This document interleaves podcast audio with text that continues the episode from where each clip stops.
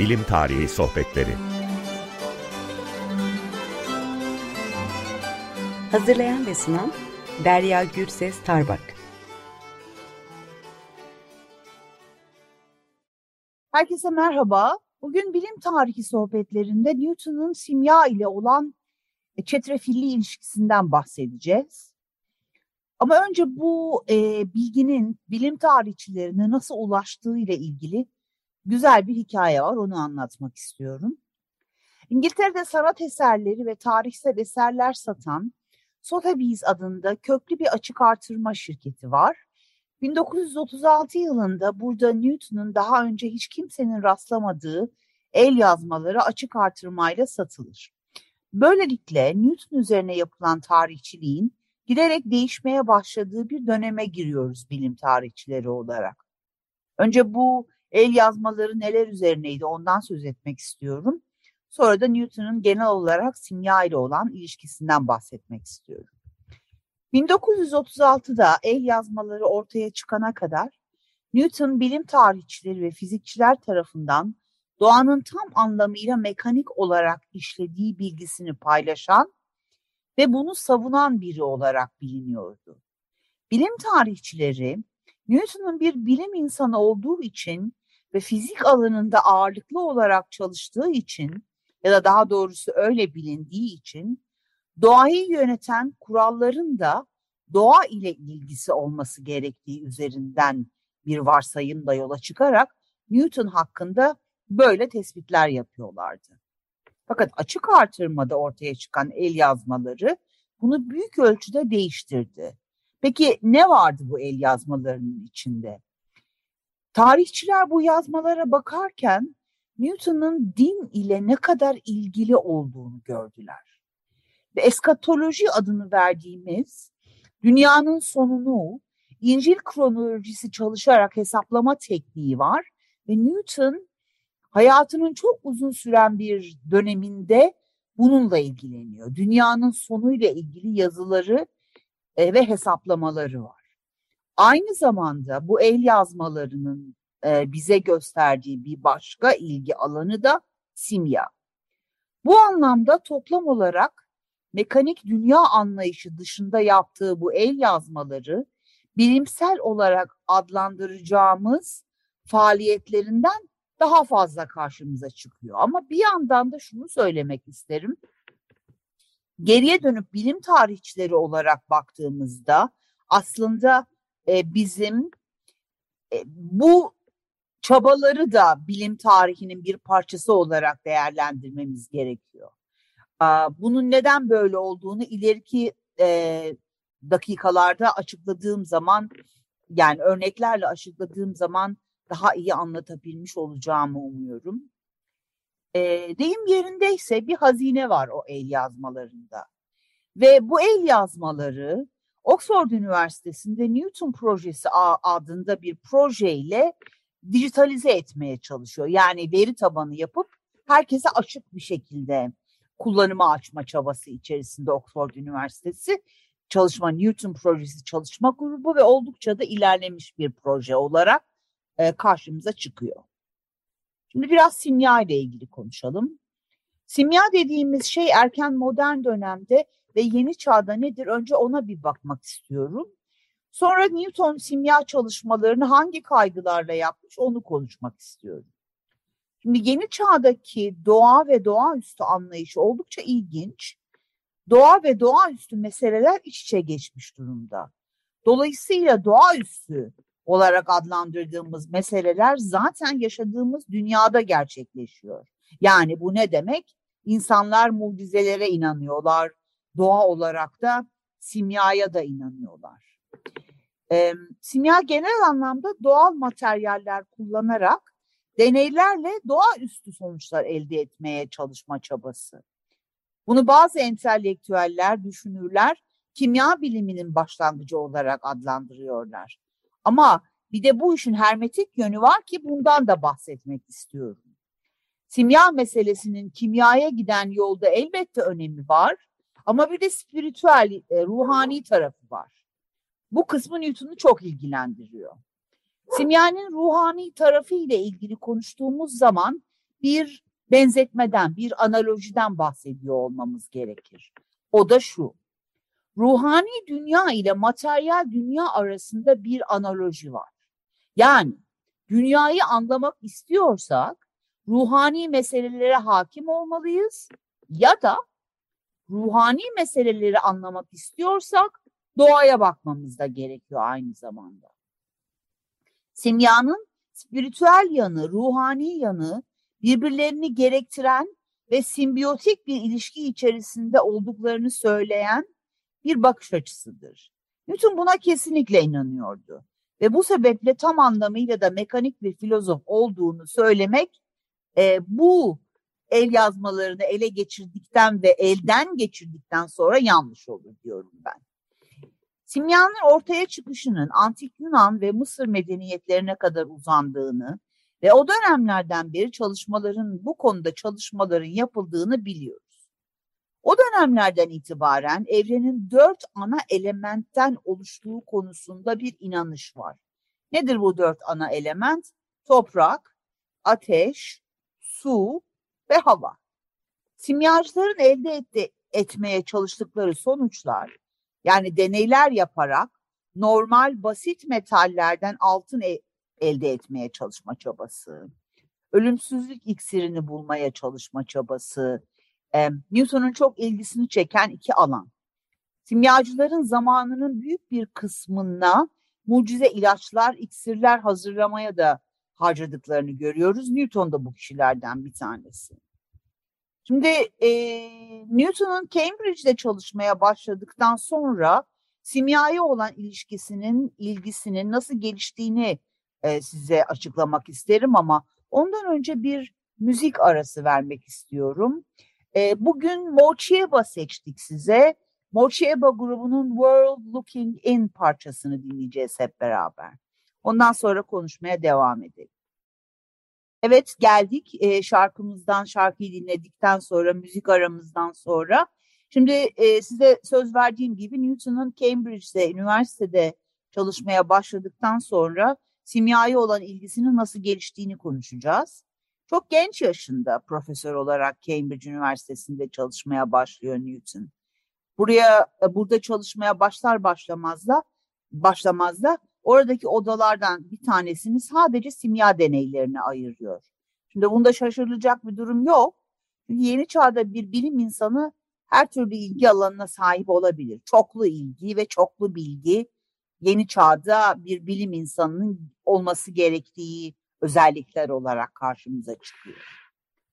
Bir de bir başka tespit yapmak istiyorum ben bu dönemde, bu dönemde çalışan bilim insanları ile ilgili olarak. Newton ve çağdaşlarının dini fikirleri, bilim görüşleri, dünyaya bakış açıları, siyasi görüşleri hepsi birbiriyle ilişkili.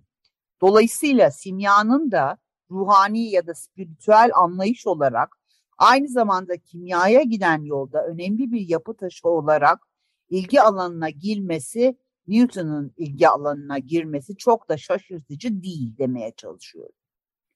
Newton'un ölümünden sonra 1936'da açık artırmada satılan el yazmalarında esoterik olan ne varsa yani dini yazıları, simya yazıları, apokaliptik dünyanın sonu ile ilgili yazıları bir paket haline getirilmiş.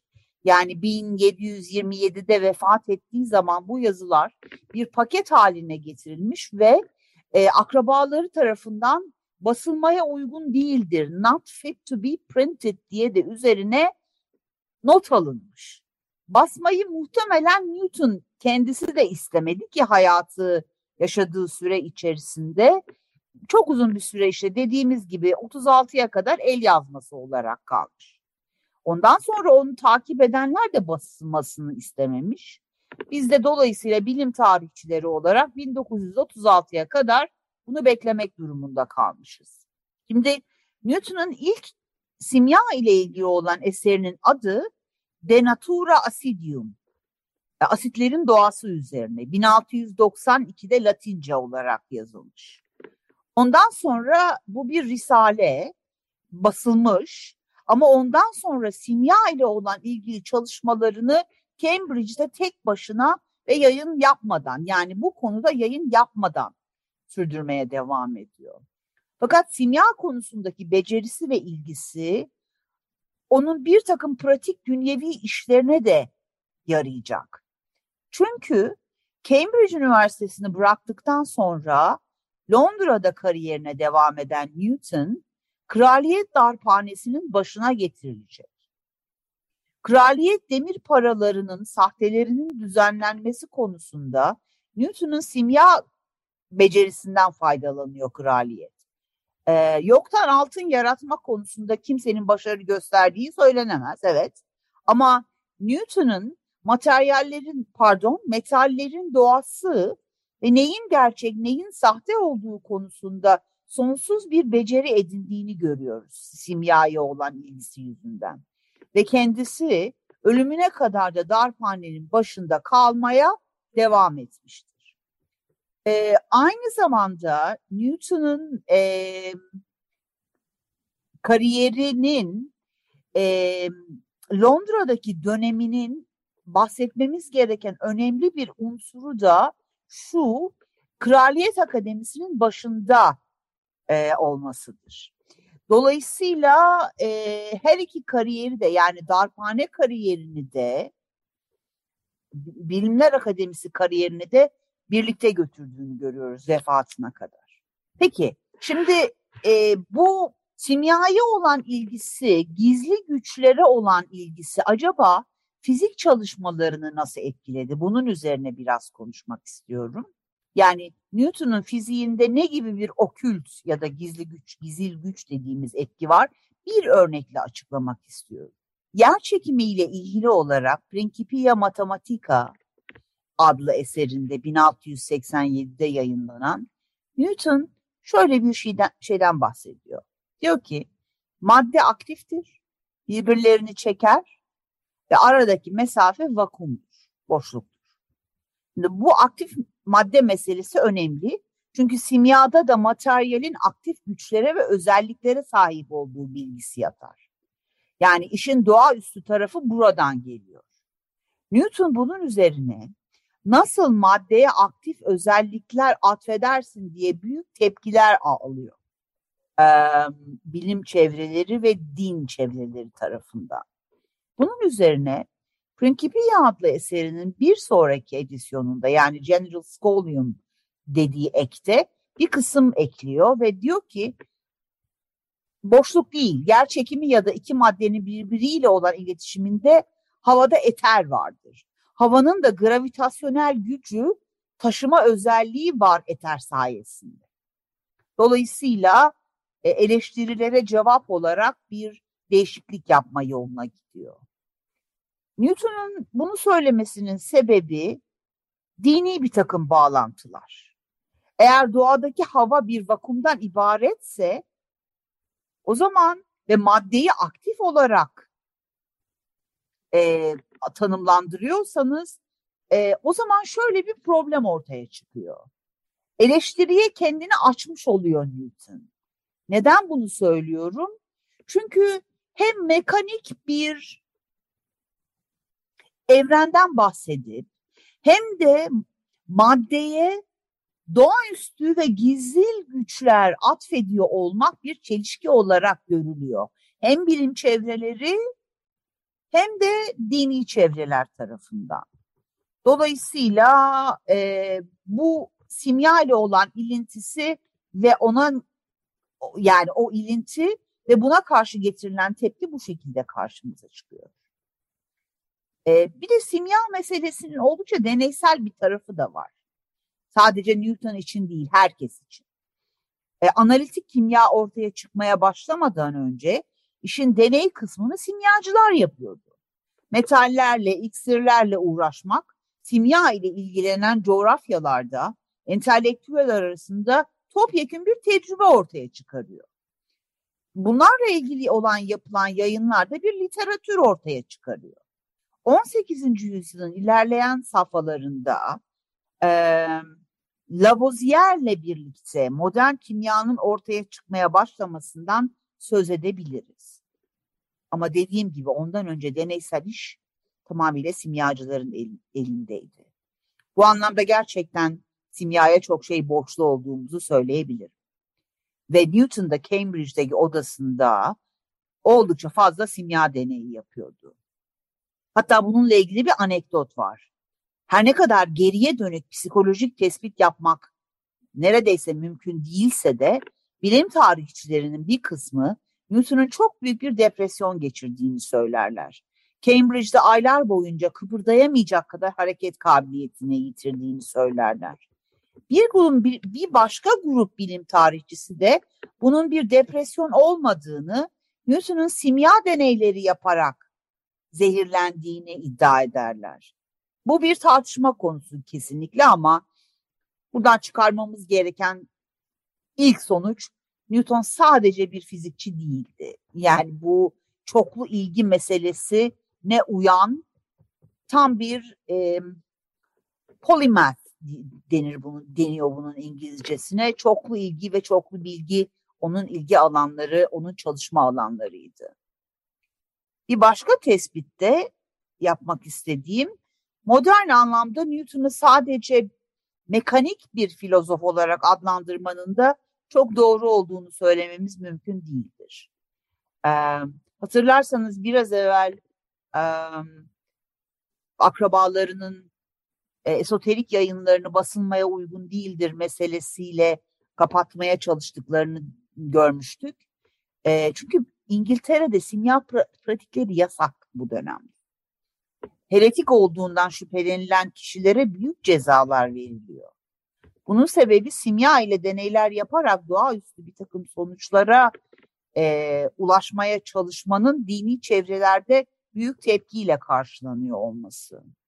Bu anlamda da aslında çok büyük bir sürpriz değil Newton'un ve akrabalarının neden bunları yayınlamamış, yayınlatmamış olabileceği konusundaki e, karar.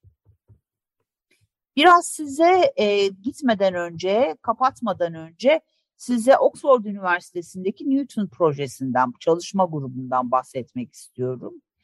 Yaklaşık 330 tane rulo e, el yazması deşifre ediliyor şu anda. Bunların bir kısmı eskatolojik olarak hesaplamalar içeriyor. Newton bu hesaplamalarda 2060 yılında dünyanın sona ereceğini söylüyor. Bunu yaparken İncil'deki kronolojik hesaplardan yararlanıyor. Yazmaların içerisinde simya ile ilgili altın elde etmek ya da felsefe taşı ile ilgili bir takım çizimler ve hesaplamalar da var. Bütün bunların hepsi tamamlandığında ve hayata geçirildiğinde bilim tarihi çalışmaları konusunda yeni bir açılımın ortaya çıkmaya başladığını göreceksiniz. Son 20-25 senede yapılan Newton'un simya görüşü konusundaki çalışmalarda büyük değişiklikler ortaya çıktığını söylememiz mümkün. Bu çalışmalar aynı zamanda İngiltere'deki araştırma kurumları tarafından da oldukça ciddi olarak desteklenmekte. Burada bitirmek istiyorum. Gelecek hafta büyük bir ihtimalle Newton'un esoterik e, ve hermetik tarafı ile ilgili konuşacağım sizinle. Bu haftalık burada bitirmek istiyorum. Beni dinlediğiniz için çok teşekkür ederim. Herkese bir iyi bir gün diliyorum.